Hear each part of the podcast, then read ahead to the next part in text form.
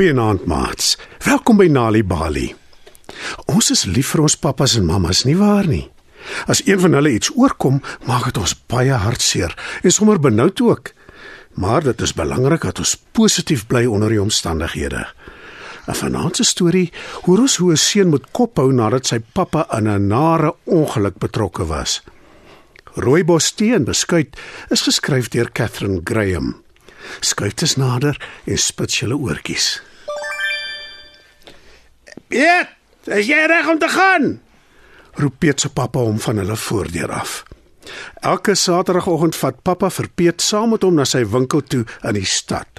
Hy besit 'n materiaalwinkel wat die pragtigste materiaal verkoop vir mense wat uitrustings maak vir elke geleentheid. Wanneer albei sy boeties nog lekker lê en slaap, is Piet en sy pappa al op pad. Mense kom van oral na pappa se winkel toe op soek na net die regte materiaal vir 'n rok vir 'n spesiale geleentheid, maar veral ook vir trourokke. Hulle raak nooit uitgepraat oor die groot verskeidenheid in pappa se winkel nie. Piet geniet dit om Saterdae in die winkel deur te bring. Daar is rolle en rolle materiaal in alle denkbare helder kleure wat hoog tot by die plafon gestapel is. Daar is ook glaskabinette in die winkel. Daarin is daar die mooiste knope, asook lint en kant en gare in elke moontlike kleur. En daar is altyd kliënte in pappa se winkel. Daar is heelwat mense wat vir Piet se pappa werk in sy winkel. Die een van wie Piet die heel meeste hou, is Susan. Hy sien uit na Saterdae wanneer hy met haar kan gesels. Susan meet en sny nie materiaal soos die ander werknemers nie. Sy pakkie kliënte se aankope in plastieksakke met die winkel se naam op. Sy lei ook die aankope op op die kasregister. Saterdae is die besigste dae in die winkel. Dan help Piet vir Susan om die materiaal netjies te vou en dit saam met die gare en knope en wat die kliënte ook al aankoop in die plastieksakke te sit. 11uur is dit teetyd. Een van die ander werknemers neem waar by die kasregister en lui die aankope op. Dan maak Susan vir haar, vir pappa en vir Piet heerlike rooibos tee met melk en suiker. Mamma stuur ook Saterdag van haar tuisgebakte beskuitwinkel toe en die drie van hulle smil daaraan. Wanneer teetyd verby is, spring hulle weer aan die werk tot 2 uur wanneer pappa die winkel sluit tot maandag. Een van die ander winkeliers voer die stadstuiwe in die straat. Net toe pappa sy kar die Saterdag voor sy winkel parkeer, is daar skielik 'n groot lawaai. Die duwe vlieg verskrik op. Piet sien hoe 'n minibus taxi aangery kom. Dit slinger heen en weer oor die straat. Die bestuurder swaai sy arms wild en hy blaas op sy toeter. Dit lyk asof hy nie sy taxi betyds gestop gaan kry nie. En dit is dan ook inderdaad wat gebeur. Die taxi ploeg in die sypaadjie vas. Sien sy pappa is voor die taxi en roep hard. Pappa! Maar pappa kan nie betyds uit die taxi se pad spring nie en dit tref hom op sy been. Pappa val om en tref sy kop teen 'n lamppaal. Susan wat haar boeglam geskrik het, kom aangehardloop en roep: Wat het gebeur? Die bestuurder van die taxi klim uit en hy verduidelik dat hy skielik net geen remme gehad het nie. En dit is hoekom hy so heen en weer oor die straat gery het en toeter geblaas het sodat mense uit sy pad kon kom. Hy vra om verskoning en Piet kan sien hy voel baie sleg. Pappa sit eenkant op die sypaadjie. Hy vryf sy been en sy kop bloei. Piet wil huil, maar hy byt sy trane terug. Vat die sleutels, Susan. sê pappa. Piet kan sien hy het baie pyn. Sal jy asseblief vandag jou lyf bestuurder hou in die winkel? Ek dink ek moet hospitaal toe gaan. Susan lyk baie bekommerd, maar sy glimlag dapper en sê: Ek maak so meneer, moet er niks bekommerd wees nie. Piet vat pappa se selfoon en bel 'n ambulans. Sommer gou is pappa op pad hospitaal toe. Piet sit by hom in die ambulans en hou sy hand vas. By die hospitaal aangekom, sak Piet se moed in sy skoene. Daar is baie mense in die ongevalle afdeling en hulle wag almal vir mediese hulp. Daar is mense in rolstoele en mense wat op hospitaalbeddens heen en weer gestoot word. Party mense loop met krukke. Pappa is nie die enigste een wat seer gekry het nie, besef Piet. Pappa word gestuur vir ekstrale van sy been. Toe hulle terugkom in die wagkamer, sê die verpleegster: Jammer, maar jy sal 'n ruk moet wag. Sit asseblief so lank hier op die bank. Daar is baie ander mense wat ook op die bank en ander banke sit en wag. Pappa sê vir Piet, sy kop is baie seer.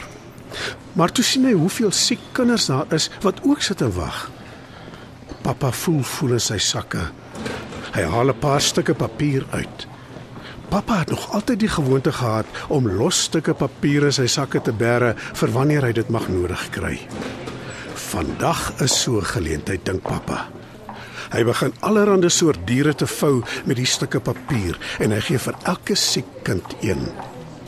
Al die siek kinders staan nou om pappa en hou hom opgewonde dop. Vir 'n oomblik vergeet almal van hulle pyn. Dis 'n leeu, né? Ek kan sien dis 'n leeu. Roep een kind en pappa knik ja.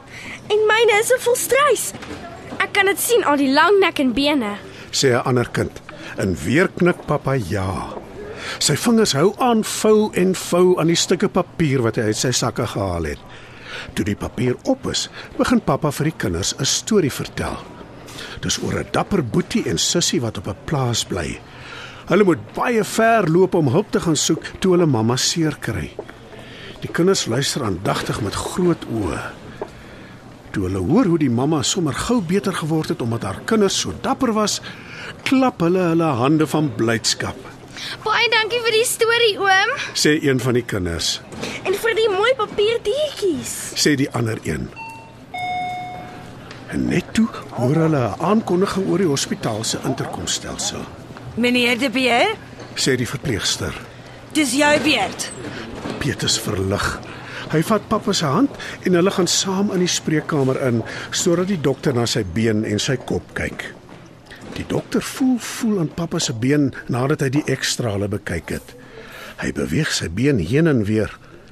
Pappa kreun van die pyn, maar die dokter stel hom gerus en sê: Nou, daar is uh, gelukkig niks gebreek nie.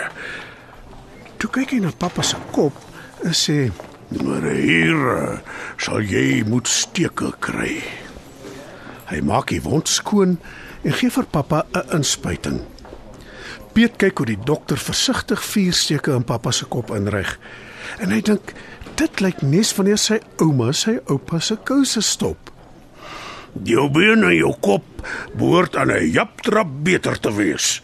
sê die dokter. Maar hy gee in elk geval vir hom pynpille vir wanneer die pyn te erg raak, En dan probeer asseblief om baie te rus. sê hy. Susan kom haal hulle by die hospitaal in pappa se kar en vat hulle huis toe. Pappa stel voor sy hou die kar 'n paar dae lank totdat hy beter is. Mamma en Piet se twee boeties is bly om pappa te sien. Mamma lyk bekommerd, maar pappa stel haar gerus.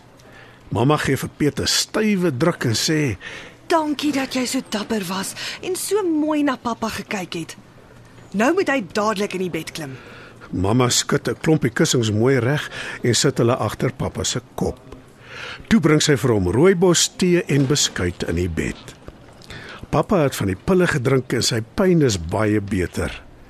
Hy glimlag vir sy hele gesin wat om sy bed staan en sê: Al was ek vandag in 'n lelike ongeluk, ek is bly ek is tuis en almal wat ek liefhet is hier by my. Toe lag hy en hy voeg by: En, en vandag kry ek rooibos tee en beskuit in die bed. Ek hoef nie werk toe te gaan daarvoor nie. Wanneer kinders tuistories hoor, help dit hulle om beter leerders te word op skool. Vir meer stories om vir kinders voor te lees of vir stories wat kinders self kan lees, besoek ons by www.nalibali.mobi. Daar is heelwat stories in verskeie tale absoluut gratis beskikbaar. Daar is ook wenke oor hoe om stories vir kinders te lees en met hulle te deel sodat hulle hulle volle potensiaal kan ontwikkel. Nali Bali is ook op Facebook. En daar is Nali Bali stories en aktiwiteite in bylaas van koerante. Story Power. Bring dit huis toe.